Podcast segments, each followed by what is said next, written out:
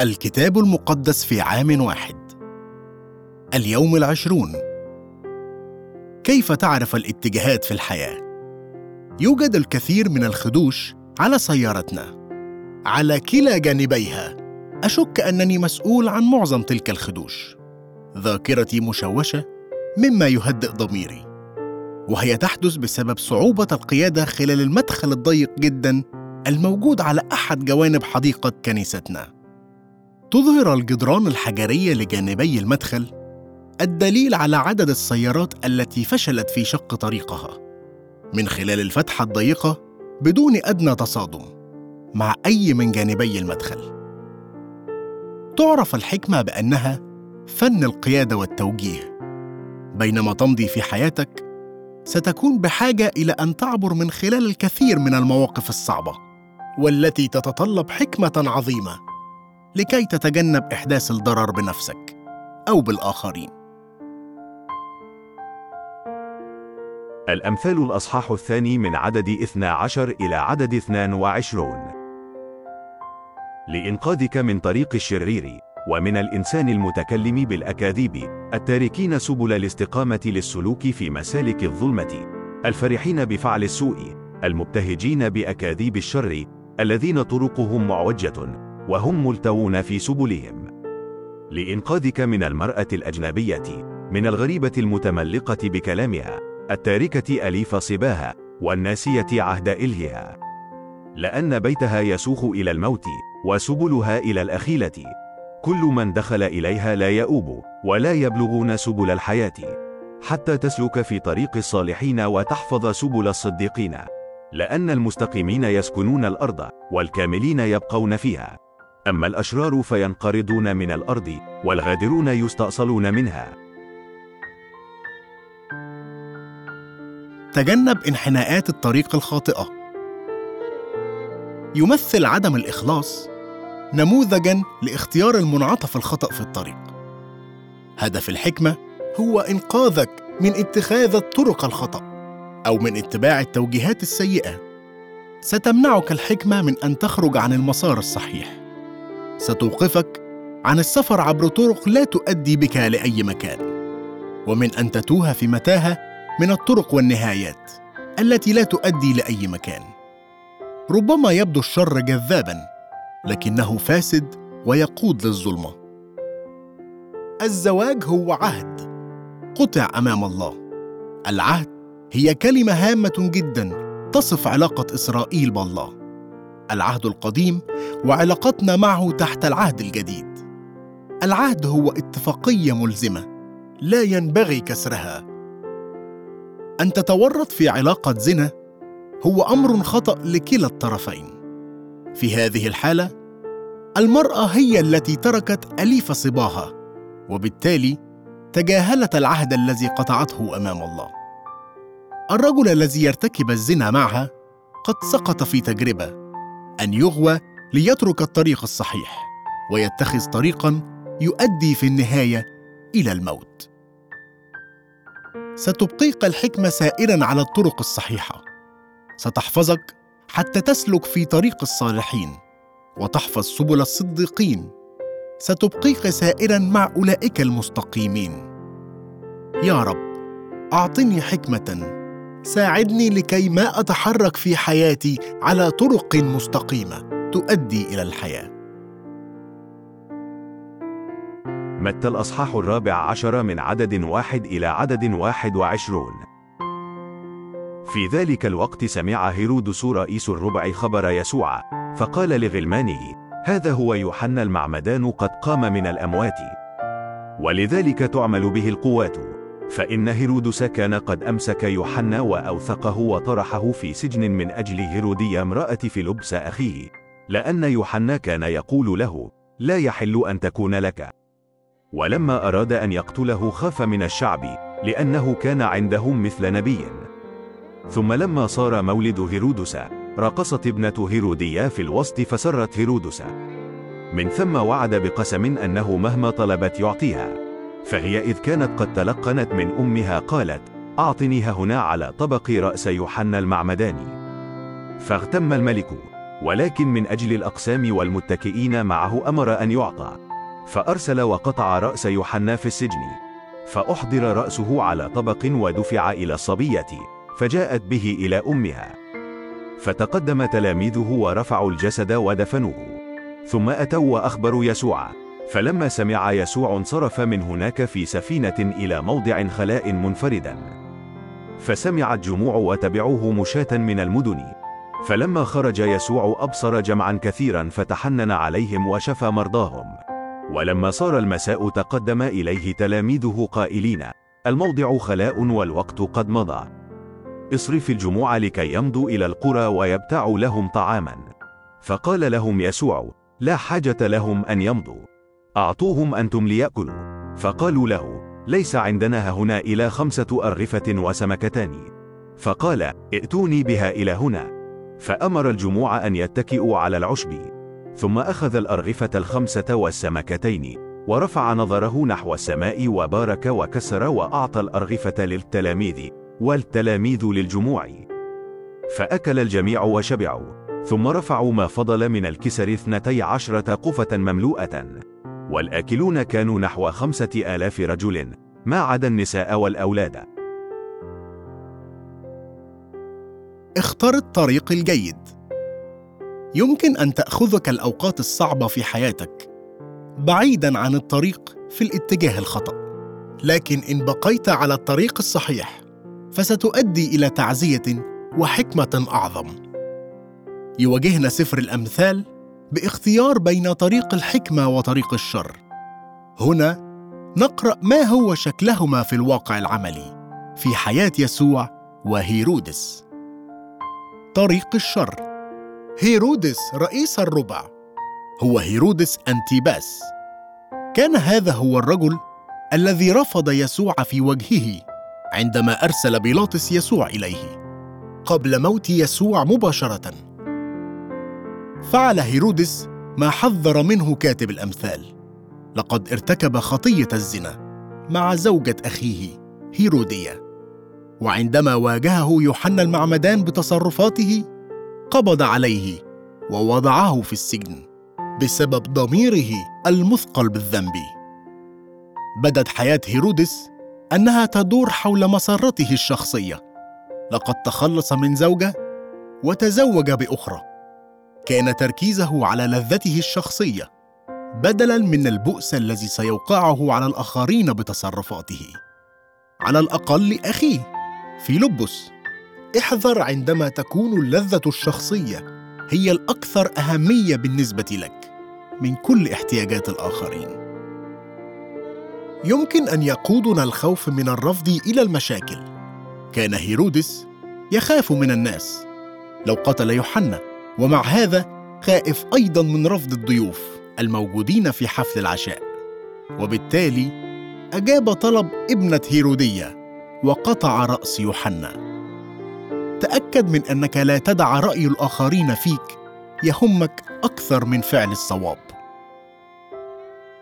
لأن يوحنا المعمدان تكلم بشجاعة أراد هيرودس أن يقتله. يبدو أن الشر انتشر في الأسرة. بسبب أن ابنة أخيه ابنة هيرودية قد تآمرت مع أمها على قطع رأس يوحنا المعمدان. لقد تقصوا بالشر لدرجة أن منظر رأس يوحنا المعمدان وقد جلب إليهما على طبق لم يثر امتعاض أو اشمئزاز كلتيهما. طريق الخير. اخبر تلاميذ يوحنا يسوع بالأخبار الرهيبة. كان من الواضح أن يسوع صدم بعمق بسبب موت قريبه. كان رد فعله نحو الأخبار السيئة أنه انسحب إلى موضع خلاء منفردا لقد احتاج أن يكون وحده مع الله. ولكن لما قوطعت خططه لم يغضب يسوع أو يستفز كما يحدث غالبا معي. من الجيد أن نضع خططا لكن اسمح لله أن يقاطع خططك. بسبب تعاطفه لم يكن لدى يسوع الحكمة فقط حتى يذهب مع التيار بل وحتى يتجاوب بشكل فاعل فقد شفى مرضاهم. حتى بعد كل هذا لم ينل فرصة ليبتعد عن الحشد. وبدلا من هذا أطعمهم أو بالأحرى علم تلاميذه كيف يطعمونهم بصورة معجزية. لقد حركهم ووجههم. إننا نرى حكمة يسوع غير العادية. بينما كان يسلك سبيله في هذا اليوم لقد بدأ يومه بصورة سيئة جدا. ولكن شفى يسوع كثيرا من المرضى وأطعم خمسة آلاف رجل ما عدا النساء والأولاد بصورة معجزية. لقد كان يوما لا ينسى عبر كل التاريخ وقد أثر في حياة الملايين من الناس. يا رب لا تدع الأوقات الصعبة في حياتي تخرجني عن الطريق السليم بل بالأحرى تقودني إلى تعاطف وحكمة أعظم. التكوين الأصحاح الأربعون. وحدث بعد هذه الأمور أن ساقي ملك مصر والخباز أذنبا إلى سيدهما ملك مصر. فسخط فرعون على خصييه رئيس السقاة ورئيس الخبازين فوضعهما في حبس بيت رئيس الشرطة في بيت السجن المكان الذي كان يوسف محبوسا فيه. فأقام رئيس الشرطة يوسف عندهما فخدمهما. وكان أياما في الحبس وحلم كلاهما حلما في ليلة واحدة كل واحد حلمه كل واحد بحسب تعبير حلمه. ساقي ملك مصر وخبازه المحبوسان في بيت السجن. فدخل يوسف إليهما في الصباح ونظرهما. وإذا هما مهتمان فسأل خصيي فرعون اللذين معه في حبس بيت سيده قائلا لماذا وجهكما مكمدان اليوم؟ فقال له حلمنا حلما وليس من يعبره. فقال لهما يوسف أليست لله التعابير؟ قصا علي. فقص رئيس السقاة حلمه على يوسف وقال له كنت في حلمي وإذا كرمة أمامي. وفي الكرمة ثلاثة قضبان وهي إذ أفرخت طلع زهرها وأنضجت عناقيدها عنبا. وكانت كأس فرعون في يدي فأخذت العنب وعصرته في كأس فرعون وأعطيت الكأس في يد فرعون. فقال له يوسف هذا تعبيره الثلاثة القضبان هي ثلاثة أيام. في ثلاثة أيام أيضا يرفع فرعون رأسك ويردك إلى مقامك فتعطي كأس فرعون في يده كالعادة الأولى حين كنت ساقيه. وإنما إذا ذكرتني عندك حينما يصير لك خير تصنع إلي إحسانا وتذكرني لفرعون وتخرجني من هذا البيت.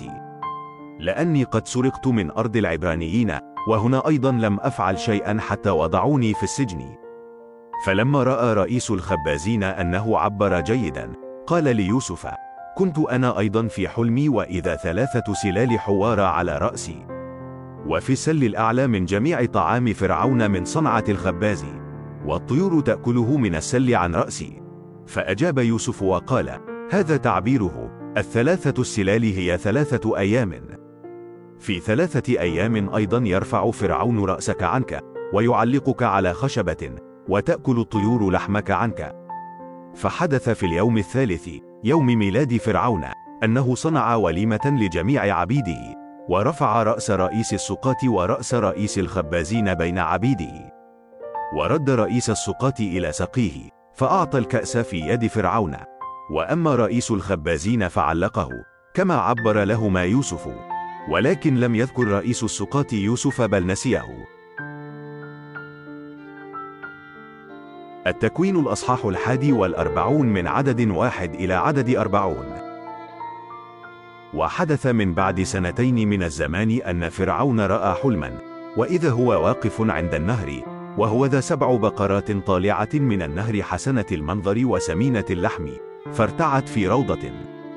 ثم هو ذا سبع بقرات أخرى طالعة وراءها من النهر قبيحة المنظر ورقيقة اللحم فوقفت بجانب البقرات الأولى على شاطئ النهر. فأكلت البقرات القبيحة المنظر والرقيقة اللحم البقرات السبع الحسنة المنظر والسمينة. واستيقظ فرعون. ثم نام فحلم ثانية وهو ذا سبع سنابل طالعة في ساق واحد سمينة وحسنة. ثم هو ذا سبع سنابل رقيقة وملفوحة بالريح الشرقية نابتة وراءها. فابتلعت السنابل الرقيقة السنابل السبع السمينة الممتلئة. واستيقظ فرعون. وإذا هو حلم. وكان في الصباح أن نفسه أنزعجت فأرسل ودعا جميع سحرة مصر وجميع حكمائها. وقص عليهم فرعون حلمه فلم يكن من يعبره لفرعون. ثم كلم رئيس السقاة فرعون قائلا أنا أتذكر اليوم خطاياي. فرعون سخط على عبديه فجعلني في حبس بيت رئيس الشرطة أنا ورئيس الخبازين. فحلمنا حلما في ليلة واحدة أنا وهو. حلمنا كل واحد بحسب تعبير حلمه. وكان هناك معنا غلام عبراني عبد لرئيس الشرطة فقصصنا عليه فعبر لنا حلمين. عبر لكل واحد بحسب حلمه. وكما عبر لنا هكذا حدث. ردني أنا إلى مقامي وأما هو فعلقه. فأرسل فرعون ودعا يوسف فأسرعوا به من السجن.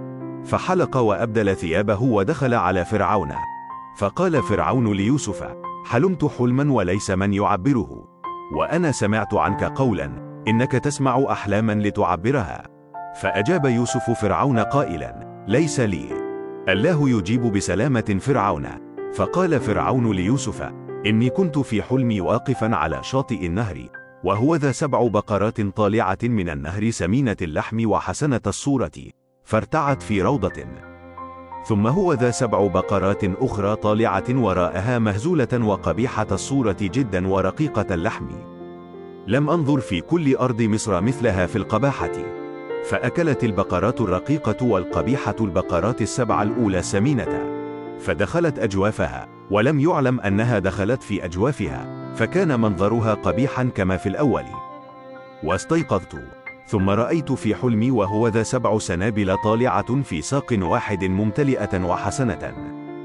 ثم هو ذا سبع سنابل يابسة رقيقة ملفوحة بالريح الشرقية نابتة وراءها. فابتلعت السنابل الرقيقة السنابل السبع الحسنة. فقلت للسحرة ولم يكن من يخبرني. فقال يوسف لفرعون حلم فرعون واحد. قد أخبر الله فرعون بما هو صانع. البقرة السبع الحسنة هي سبع سنين والسنابل السبع الحسنة هي سبع سنين. هو حلم واحد والبقرة السبع الرقيقة القبيحة التي طلعت وراءها هي سبع سنين والسنابل السبع الفارغة الملفوحة بالريح الشرقية تكون سبع سنين جوعا. هو الأمر الذي كلمت به فرعون. قد أظهر الله لفرعون ما هو صانع. هو ذا سبع سنين قادمة شبعا عظيما في كل أرض مصر. ثم تقوم بعدها سبع سنين جوعا فينسى كل الشبع في أرض مصر ويتلف الجوع الأرض. ولا يعرف الشبع في الأرض من أجل ذلك الجوع بعده لأنه يكون شديدا جدا. وأما عن تكرار الحلم على فرعون مرتين فلأن الأمر مقرر من قبل الله والله مسرع ليصنعه. فالآن لينظر فرعون رجلا بصيرا وحكيما ويجعله على أرض مصر. يفعل فرعون فيوكل نظارا على الأرض ويأخذ خمس غلة أرض مصر في سبع سن الشبع. فيجمعون جميع طعام هذه السنين الجيدة القادمة ويخزنون قمحا تحت يد فرعون طعاما في المدن ويحفظونه. فيكون الطعام ذخيرة للأرض لسبع سنين جوع التي تكون في أرض مصر فلا تنقرض الأرض بالجوع. فحسن الكلام في عيني فرعون وفي عيون جميع عبيده. فقال فرعون لعبيده هل نجد مثل هذا رجلا فيه روح الله؟ ثم قال فرعون ليوسف بعدما أعلمك الله كل هذا ليس بصير وحكيم مثلك. أنت تكون على بيتي وعلى فمك يقبل جميع شعبي إلى إن الكرسي أكون فيه أعظم منك. اعرف الاتجاه الصحيح خلال تحديات الحياة. هل تعرضت للرفض من قبل وعوملت بظلم أو تخلى عنك صديق أو وجدت نفسك في موقف محبط آخر؟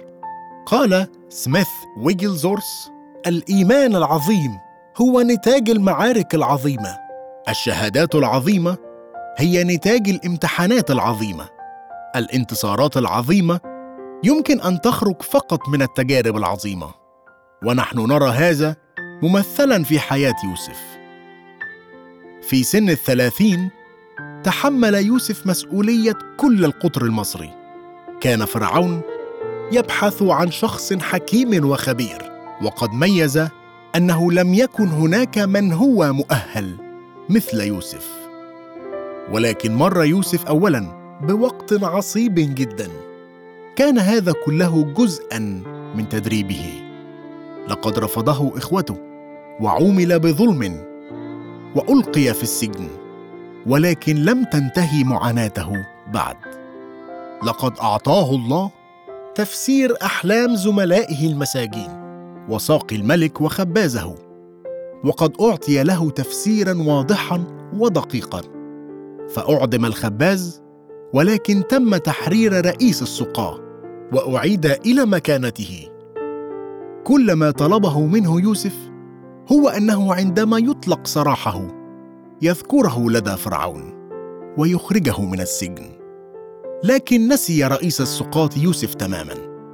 لابد وأن هذا كان صعبا جدا ومحبط بالنسبة له. ليس هذا سهلا ابدا أن يتخلى عنك الأصدقاء. في حالة يوسف كان هذا يعني قضاء عامين آخرين قابعا في زنزانته. لا بد وأن السجن كان مكانا محبطا بصورة غير عادية لرجل له مثل مواهب يوسف. لقد كان في العشرينات من عمره في مقتبل العمر. لم يكن يعرف هل سيطلق سراحه أم لا. أنا لست شخصا صبورا. أعتقد أنني كنت سأجن من الإحباط. لكن في الواقع كان الله يعد يوسف لشيء عظيم. ربما لم يبدو الأمر هكذا في وقته. أعد الله يوسف من خلال إطعامه لزملائه السجناء في محبسه ليطعم بعد ذلك الأمة كلها من القصر. أخيرا عندما حلم فرعون احلاما لم يكن قادرا على تفسيرها. قال رئيس السقاه أنا أتذكر اليوم خطاياي. وتم استدعاء يوسف ليفسر أحلام الفرعون. قال يوسف ليس لي. الله يجيب بسلامة فرعون. نرى هنا كيف نما يوسف في الحكمة. تم استبدال ثقته بنفسه وتباهي الشباب باعتماده على الله. إنه يعمل هنا بمزيج عجيب من التواضع والثقة التي نحتاجها عندما نواجه تحديات الحياة. أنا لا أستطيع لكن الله يستطيع ويفعل.